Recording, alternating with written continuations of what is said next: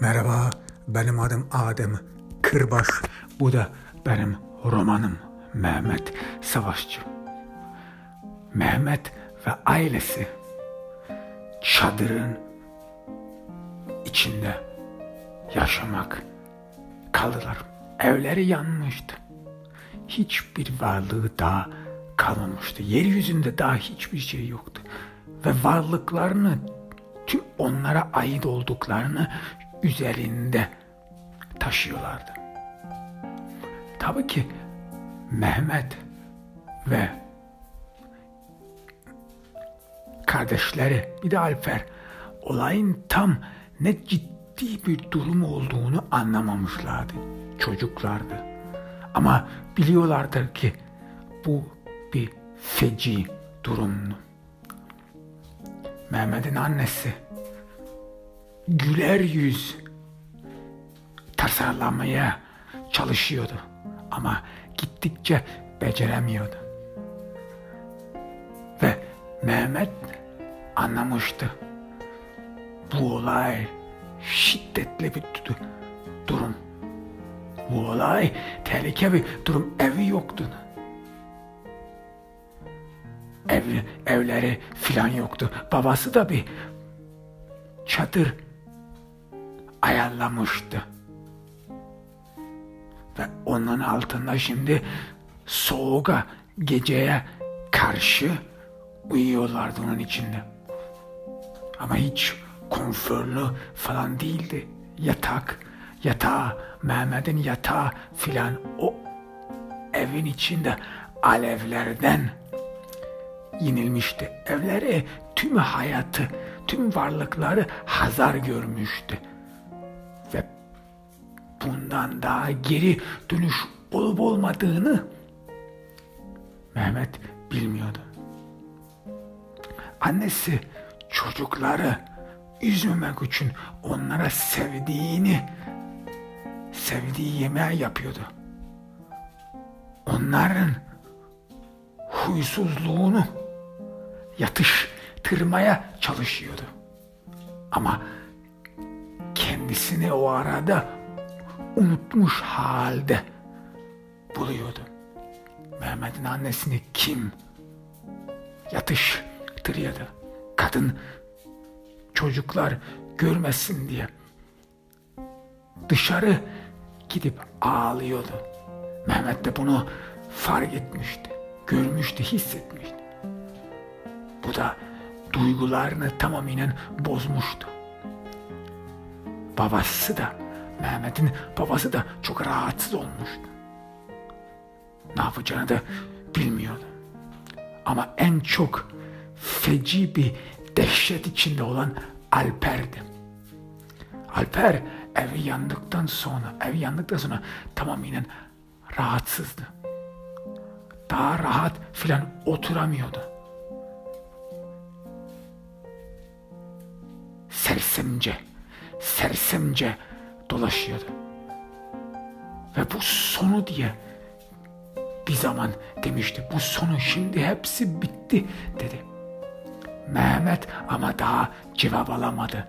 Neyi kastediyordu? Neyi ima ediyordu? Mehmet daha cevap alamamıştı. Alper tamamiyen kaygılıdı. Tamamiyen etraflarını gözetliyordu. Sanki bir sinsi hayvan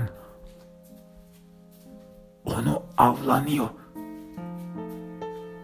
Bir tavır vardı onda. Kendisini gizlemek zorunda kalmış bir tavırlı vardı. Ve Alper de ağlıyordu.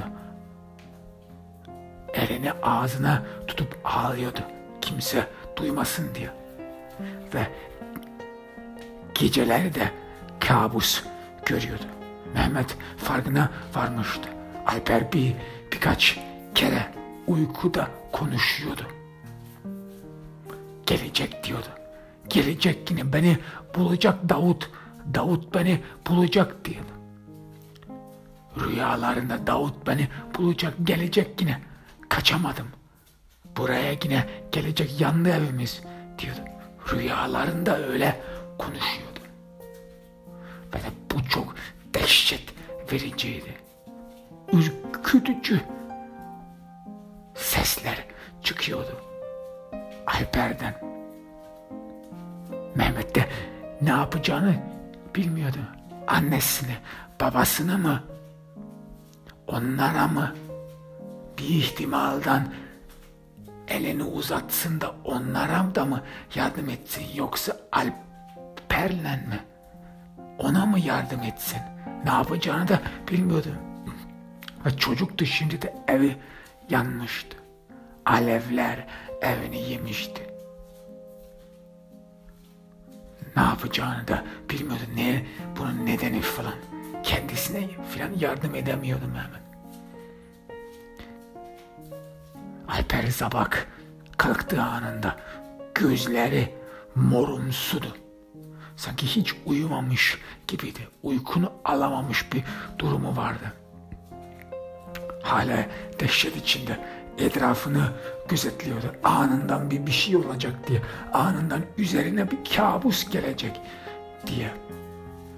Tedirgindi ve tetikteydi. Mehmet'in annesi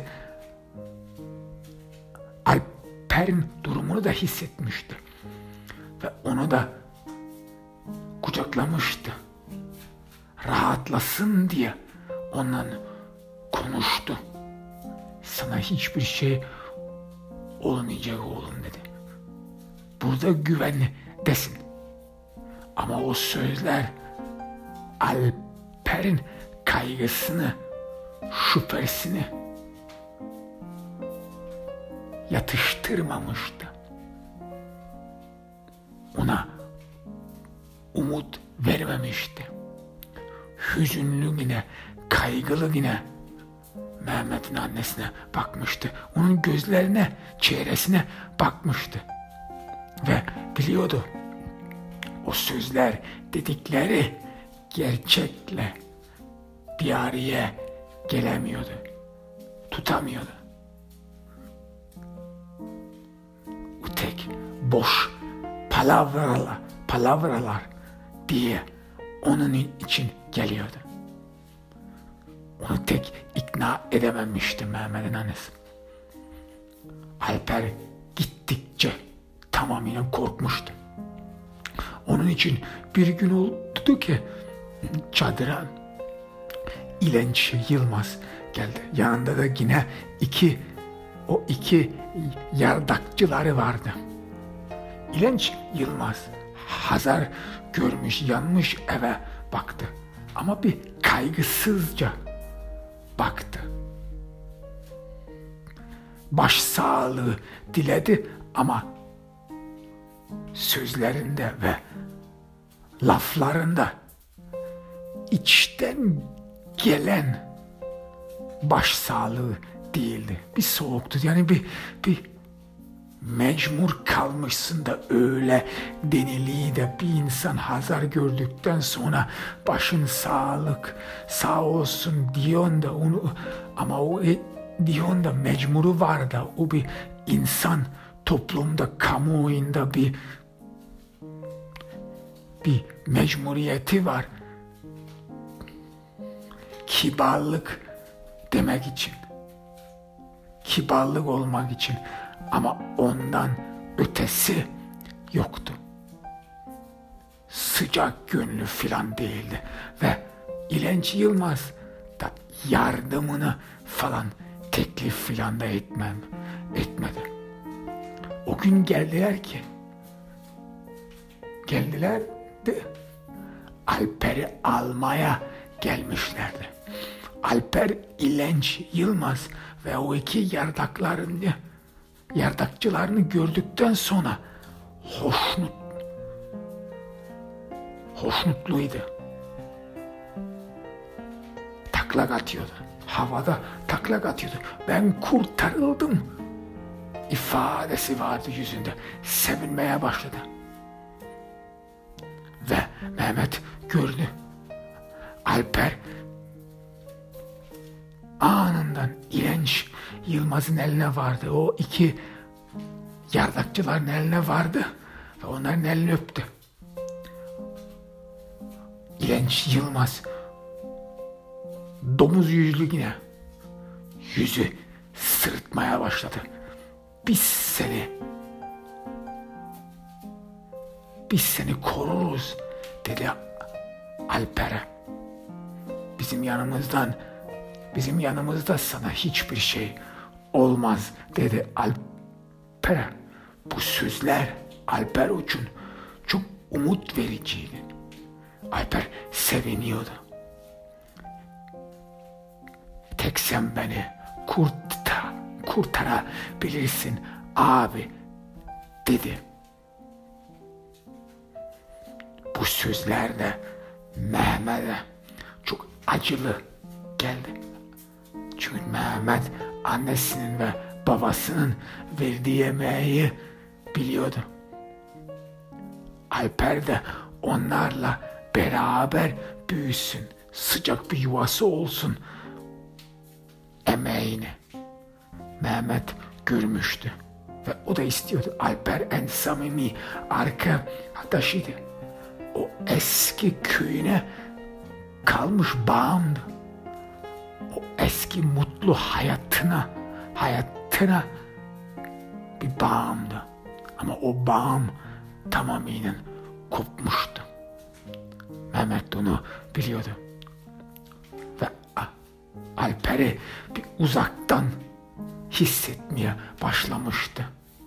Ona ait olmadığını anlamıştı. Alper'le bir şeyler olmuştu. O da eski Alper değildi. Kuvvetli, yürekli, cesurlu, gözü pek Alper daha değildi. Bezgin, azalanmış ve afalanmış, korkutulmuş Alper'di bu. Alper anında Mehmet'in annesinin ve babasının yanına gitti. Onlara İlenç Yılmaz'la durmak istedi, istediğini söyledi. Mehmet'in annesini o, o sözleri duyduktan sonra gözyaşlarını daha tutamıyordu. Alper'i kendi çocuğu olarak görüyordu. Şimdi o da onu terk ediyordu. Mehmet'in babası onayladı. Tamam oğlum dedi. Sen git kendi çaren bak dedi. Alper o gün İlenç Yılmaz'la beraber ve yanında iki yardakçılarıyla beraber Mehmet'in evini o çadırı terk etmişti. Mehmet bunu gördükten sonra çok hüzünlüydü. Yani bu son bağımı bir zaman bir zaman bir mutlu hayatı andıran bağımı onu da yitirmişti şimdi. Yoktu da.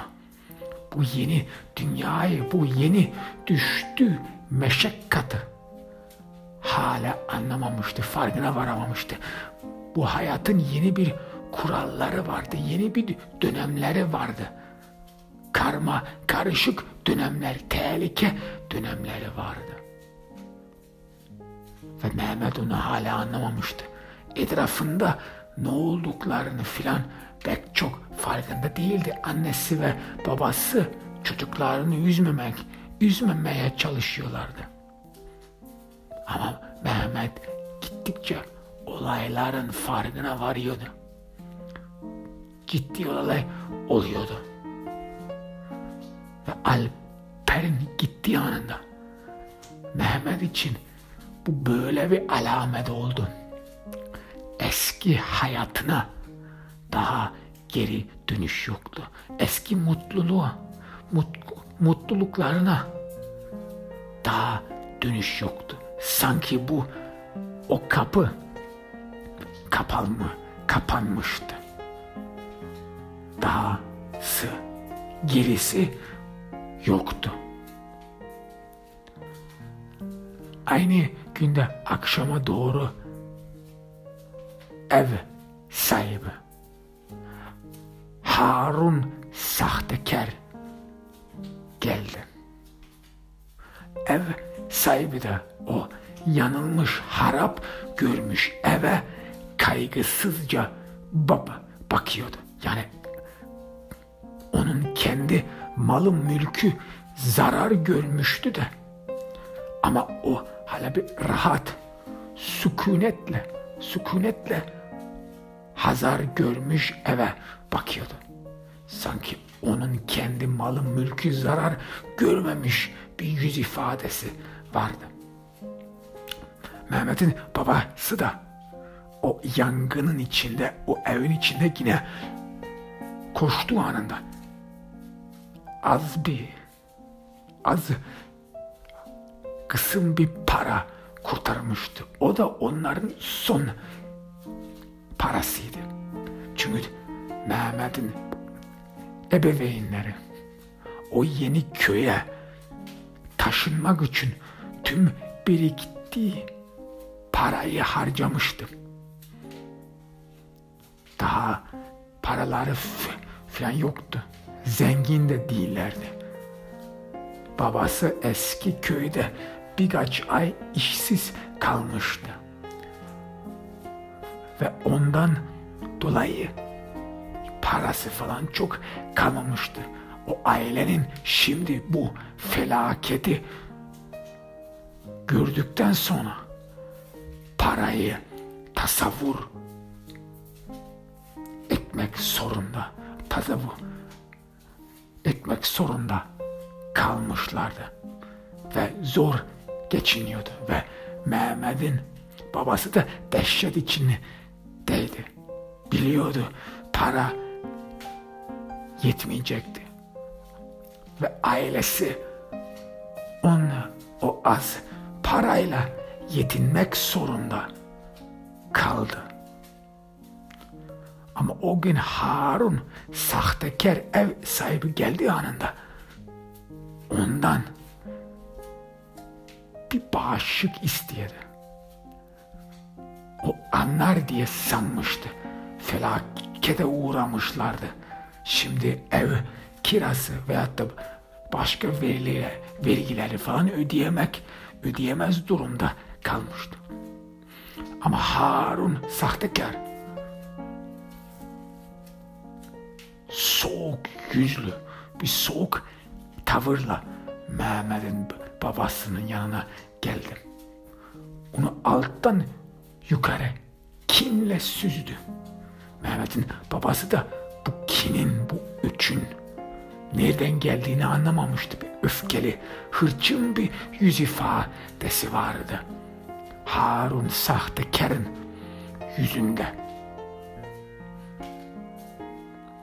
Harun sahtekar hiç baş sağlığı falan dilemedim. Ve dedi ki bu evde asıl yangın falan çıkmaz dedi. Bu evi ben gerçeği temiz bir şekilde yapıldı dedi. Bu kundakçılık da olabilir dedi. Tabii ki Mehmet'in babası ve annesi şüpheli bir şüphesi vardı. Bir bir kuş kukuları vardı o kundakçı kim ola olduğunu. Kemal Otlakçı olmalıydı biliyorlardı. Ama Harun sahtekar ima ediyordu ki Mehmet'in babası o yangının sebebiydi. Öyle anlamına getiriyordu. Tabii ki cevapladı Mehmet'in babası. Polis ve itfaiyeci ekipleri olayı araş araştıracak nedenini ve sebebini araştıracak. Ona karşı Harun sahtekar bir, bir sert cevap verdi. Biz sizin huyunuzu tanımaya başladık dedi. Ne huymuş o dedi. Sordu Mehmet'in babası az bir öfkeyle yani böyle davranışa hazırlanmamıştı ve böyle de gittikçe bir nefret dolu olmuştu Mehmet'in babası. Ne huyumuş o diye sordu. Harun sahtekar kavga çıkacağını an anladığı anında az bir geri adım attı. Alttan alma çabası falan görsetti. Hayır dedi. Ben sizden buraya kavga etmeyi etmek için gelmedim dedi. Tabii ki itfaiyeci ekipleri bu olayı araştıracak.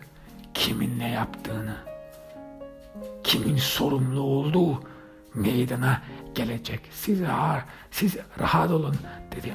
Hayır ben tek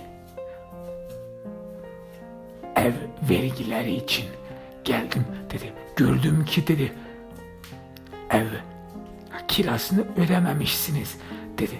O ev kirasını aslında çoktan ödemiş olmalını dedi. Mehmet'in babası işte ödememişti çünkü parası yoktu. Son parasıyla çeliğini çocuğunu geçindirmeye çalışacaktı. Plan oydu. İşe de gitmemişti birkaç gün çünkü ailesinin yanında olmalıydı. İş yerinde şef ve patron anlayış görsetmişlerdi. Öyle felaket herkesin başına gelebilirdi. Ama Harun sahtekar öyle anlayış, iyi kalplilik, merhametlik filan görsetmedi. Soğuk bir tavırla dedi. Ev kirası tabii ki ödenecektir dedi. Biz burada dürüst, namuslu bir şerefli insanız dedi. Bu köyün milleti tek öyle tanılıyor dedi. Her yerde sorabilirsiniz dedi. Biz dürüst insanız dedi. Bu laflar da çok alaycı gibi geldi Mehmet'in babasına. Ama biliyordu yine. Dikkatli olmalı. Olmalıydı. Ve Harun, Harun sahtekar da Mehmet'in ailesinin durduğu çadıra görsetti. O da tabii ki eve, evin yerinde, yurdunda, evin yerindeydi, üzerindeydi. Evin yerinin üzerindeydi. Yani hala gördüm ki cevapladı Harun sahtekar. Hala benim malımın, mülkümün üzerinde kalıyorsunuz dedi. Mehmet'in babası olayı anladı. Bu adamın ne kastettiği, ne ima ettiğini anladı. Kötü bir insandı, muzur bir insandı. Soğuk kanlı ve insandı. Bir başka insanların canına felaketi felaketi onun için önemsemiyordu. Başka insanın feci durumları umurunda değildi. Tek para almaya için gelmişti ve asıl bakıyordu ki Mehmet'in babası da fark etmiş. Gözleri anında Mehmet'in babasının elinde para gördüğü anında alev atmıştı. Mehmet'in babası Harun Sahtekar'ın yüzünde para arzusu görmüştü. Anda gördü onu. Tabii ki vergisi var. Buranın bu yerin vergileri var. Şimdi de tabii ki dediğiniz gibi daha bilmiyoruz bu yangın nasıl ve nereden çıktığını bilmiyoruz ama yine de benim de ailem var, benim de çeliğim, çocuğum var, onlar ne yiyecek dedi. Mehmet'in babası düşündü, taşındı. En son biliyordu hiçbir şeyi daha kalmamıştı. Ne yapacaktı ki? Başka imkanı yoktu. En son o son paradan az para koparttı ve ev kirasını ödedi. İmkanı yoktu. Harun sahtekar parayı aldıktan sonra yüzü bir gülmeye başladı.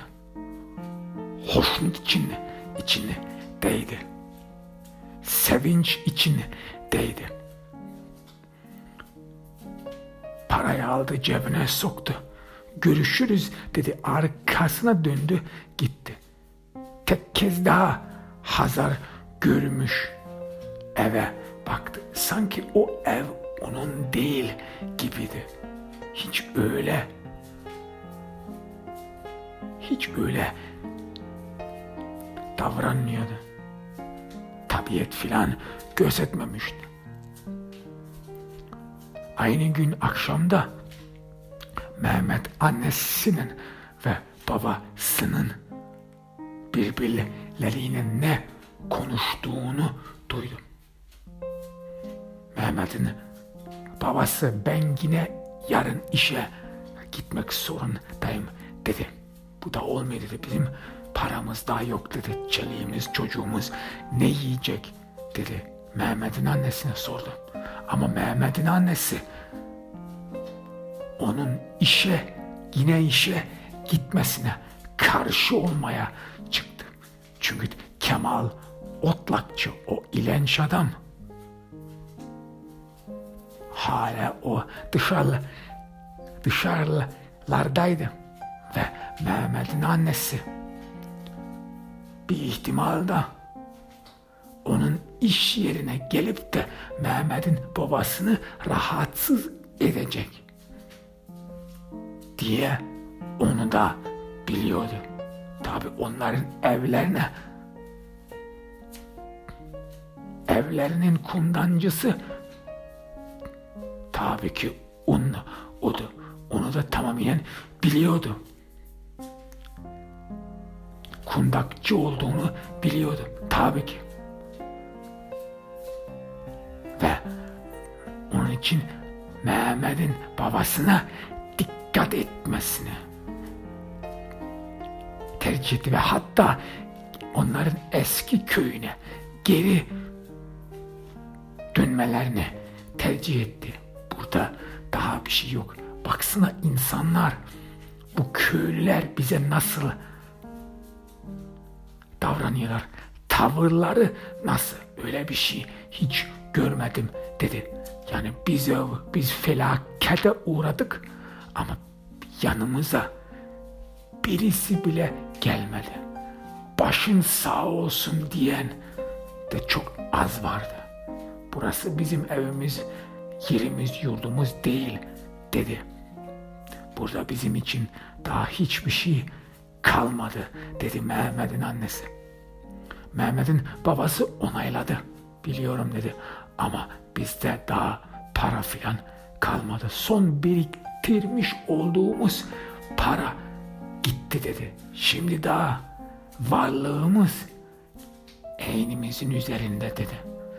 Mehmet biliyordu bunu. Günce birkaç gün elbise ve giyişlerini değiştirmemişlerdi. Hala eyni elbiseyi giyiyorlardı.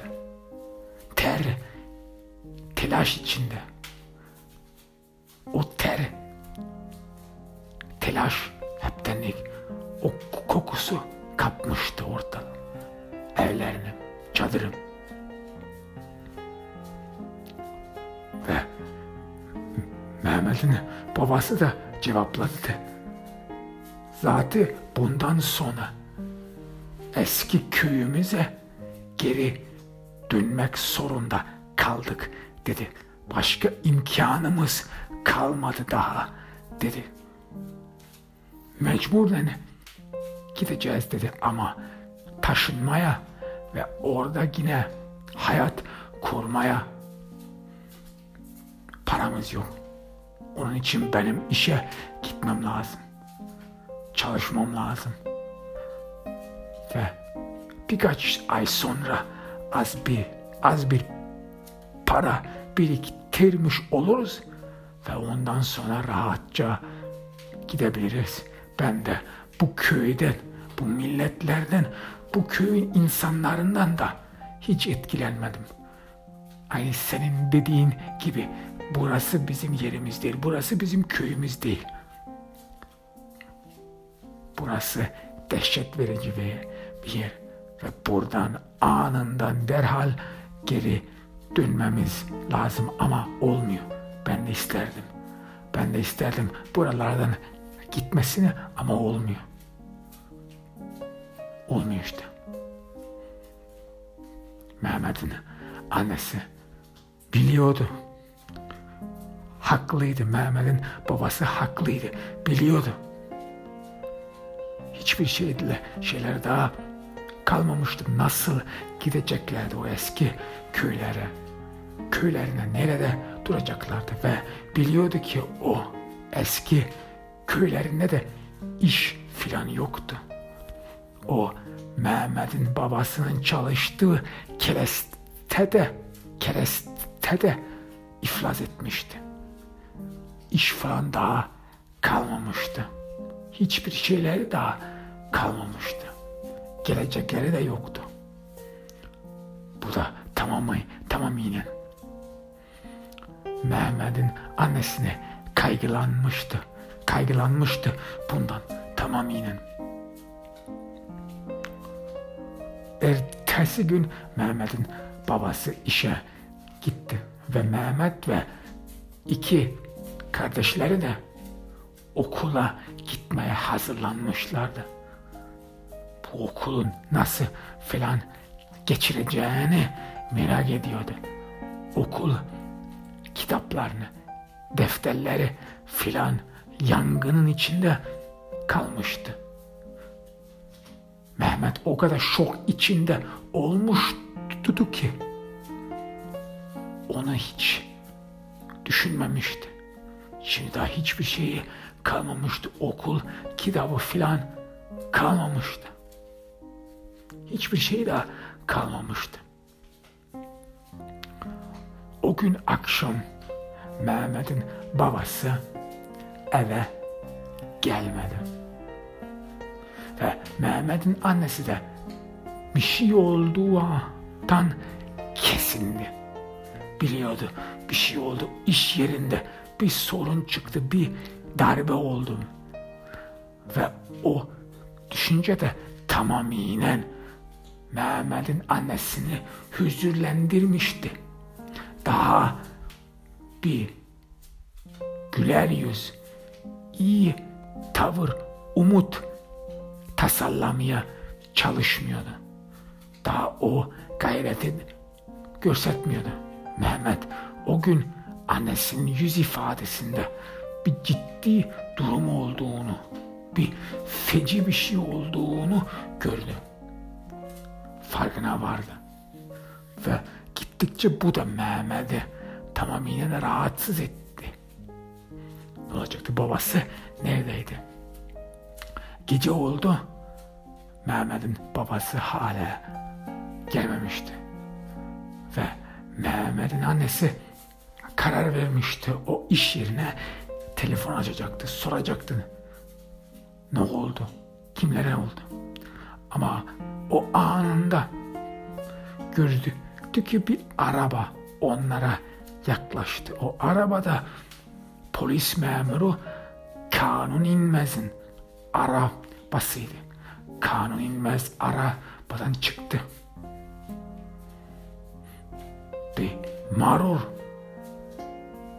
övüngen bir gidişle Mehmet'in annesine yaklaştı. Yüzü gülmüyordu ama dehşet içinde filan da değildi. Kaygısız bir yüz ifadesi vardı. Mehmet'in annesinin önüne geldi, önüne durdu ve Mehmet'in babası gözaltına alındığını söyledi. Bu haber de bir şok haberi olarak görüldü. Mehmet'in annesinden. Nedenmiş sordu. Neden? Nedeni ben sana diye bilirim dedi şimdi. Ondan sonra kanun inmezin yüzü alaylı bir yüz ifadesine dönüştü. Senin kocan iş yerinde o çalıştığı insanların parasını çalmaya çalışmış. Onların parasını almaya çaba gözetmiş. Tek gözettiği çaba da oydu dedi. Mehmet'in Mehmet'in annesi bu sözlerden, bu alaycı sözlere kulağa inanmıyordu. Biliyordu ki bundan da söylemişti, bundan bahsetmişti. İşe gitme demişti eşine. Ama da biliyordu ki imkanı da yoktu, olmamıştı. Şimdi de bunun geleri sonucu da budur şimdi. Hapiste atmışlardı. Benim eşim öyle mutlaka bir şey yapmaz. Cevap dedi. Bir acılı sesi, sesiyle. Ama Mehmet'in annesi de o, o kurulu kadın acı sesini boğmaya çalıştı. Azametli görünmek istiyordu. Ama pek çok becerememişti. Pek çok becerememişti ve kanun inmez de bunu fark etmişti.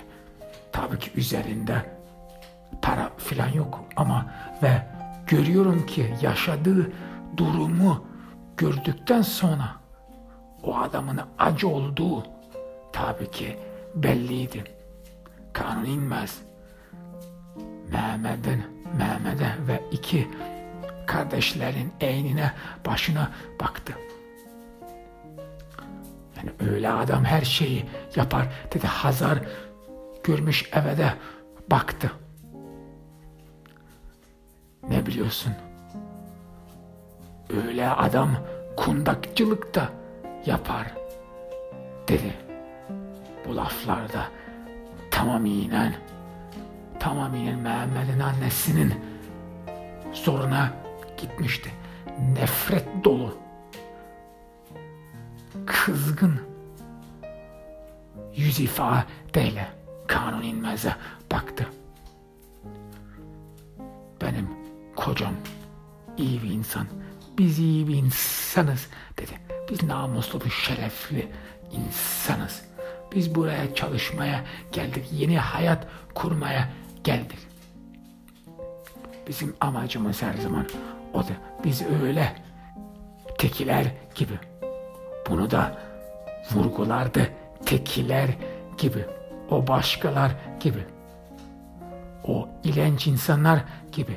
Bizim gözümüz el alemin varlığında filan değil. Biz arın teriyle çalışırız ve hoşnutsa hoşnut, hoşnutlu yeriz. Kendimiz yeriz. o laflar da o laflar da kanun inmezse sert geldi. Ne demek istiyorsun? Sordu.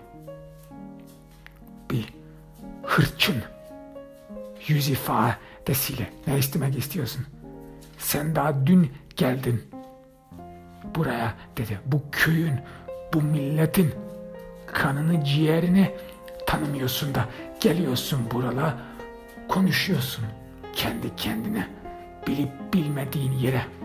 Ne biliyorsun ki sen bu insanlardan da geliyorsun öyle alçalamalar yapıyorsun. Kendini bizden üstün mü sanıyorsun? Sordu kanun inmez. Nefret dolu yüz ifadesiyle.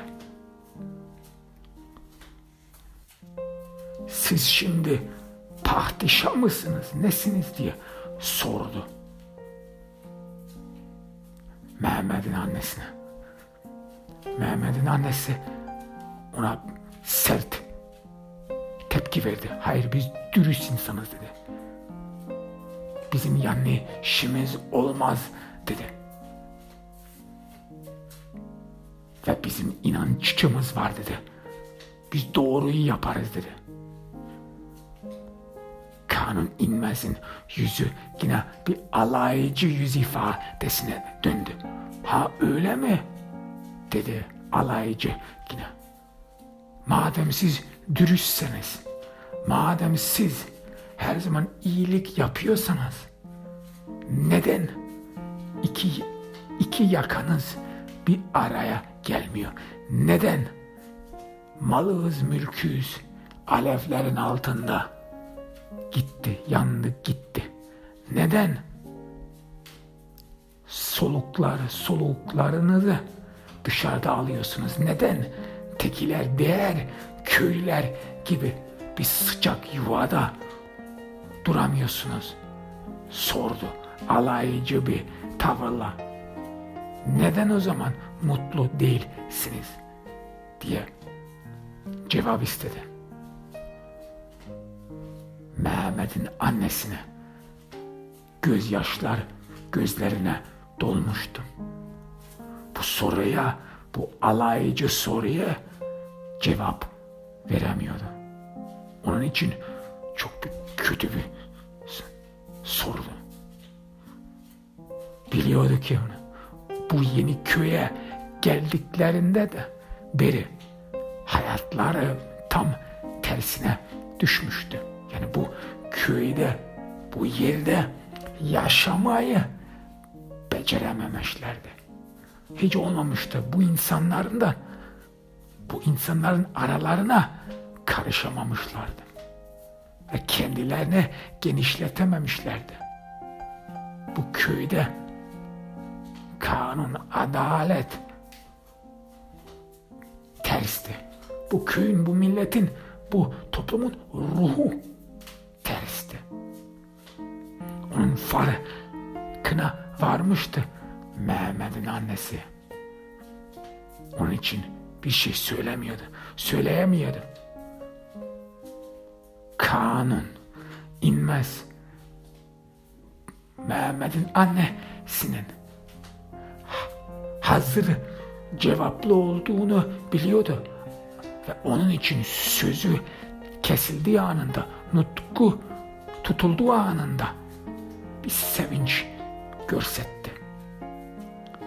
Kötü niyetli sevinçti susturmuştu. Mehmet'in annesini o gururlu, kuvvetli, kendisini savuna bilen kadını susturmuştu. Ona olduğu felaket geçmiş günün çabaları o meşak katlarda debelenmelsi Mehmet'in annesini tamamiyen ezmişti. Gönlünü kırmıştı. İnsanın iyiliğine, inanın inancını bozmuştu. Öyle soruya cevap veremiyordum. Neden?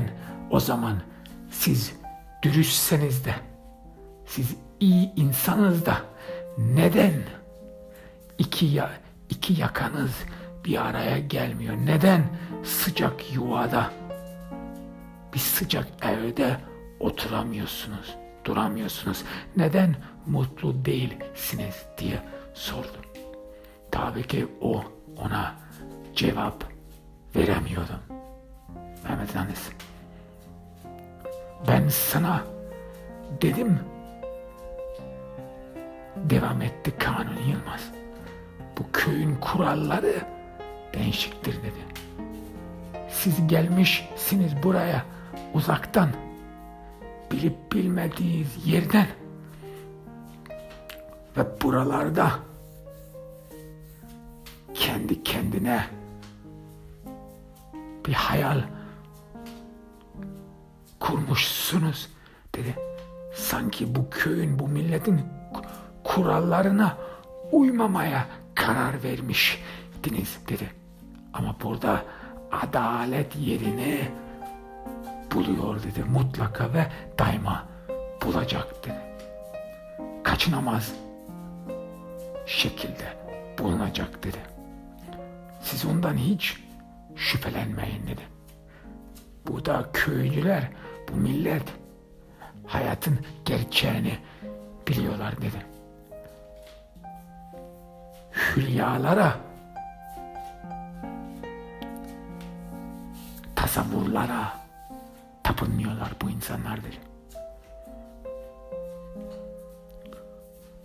Mehmet'in annesi suskun yine çocuklarına baktı. Dehşet için dedi. Şimdi eşi de hapisteydi. Biliyordu bu insanlar hiç durmayacaktı. Bu insanlar, bu kötü insanlar, bu iğrenç insanlar gittikçe onun ailesine zarar vereceklerdi. Onlarla konuşma da imkansızdı. Bu planlanmış gözüküyordu ve Mehmet'in annesi çocuklarına baktı. Bir kederli, gönül kırıcı, asap bozucu bir düşünce aklından geçti. Zihnini fethetti. Benim çocuklarım ne olacak dedi. Çünkü biliyordu o eşinin hapise atıldı. Daha bitmemişti bu olay da bitmemişti. Kötü bir alametti. Çünkü kendi de kendine de bir şey oldu. O Kemal Otlakçı onu az daha tecavüz edeceğini, yolun ortasında onu az daha tecavüz edeceğini hatırasına çağırdı. Ve biliyordu şimdi tek başınaydı. Kadın emsalı. Tek başına bir aile gütmek zorunda kaldı. Ne yapacağını da bilmiyordu şimdi. Kanun inmez. Derin, derin Mehmet'in annesine baktı. Yüzü bir, yüzünde bir tebessüm görünüyordu. Bir sinsi, alaycı tebessüm. Yine de biz sizin yaptığınıza kalmıyoruz dedi. Kanun inmez. Biz iyi niyetli insanız, merhametli insanız bu köyde. Onun için sizin bu felaketi tek geçirmenize mutlaka istemeyiz ve size her zaman yardım edebiliriz ve yardım edeceğiz. Tabii ki siz de bunu istersiniz. Onun için sen bir şey falan lazımsa, bir isteyen falan varsa her zaman benim yanıma gelebilirsin. dedi Mehmet'in annesine. Ama bu sözler öyle bir ilenç bir sırıtmayla ilerlendi. Yani insan o sözleri o yüz ifadesiyle beraber duysaydı o sözlere mutlaka bir inanamazdı. Bir soğukluk içinde vardı. Bir kötü niyet o sözlerin arasına karışmıştı ki o kötü niyeti Mehmet bile hissetti. O adamın kötü bir yüz ifadesini anından hissetti. O da yardım falan beklemiyorlardı. Ve beklemeleri mümkün değildi. Bu olay tamamen ciddiydi. Kanun inmez. Gittikten sonra Mehmet gördü. Mehmet gördü. Annesi tamamen kırılmıştı. Annesi tamamen ezilmişti, bezgindi. Yüzü filan daha gülmü, gülmüyordu. Ümitli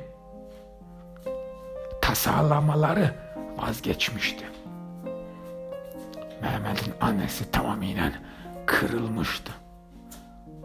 Ve orada oturup ağlamaya başladı. Gözyaşlarını daha geri tutmaya, boğmaya çaba göstermedi. İçinde acıyı bu felaketten doğmuş başlarına geldi acıyı salıverdi. Geri filan daha tutmadı. Çocuklarının önünde ağladı. Ve bu o kadar hüzünlüydü ki Mehmet'in gözlerine de gözyaşları indi. Ve iki kardeşleri de ağlıyordu. Bu dünyanın sonu gibiydi Mehmet için.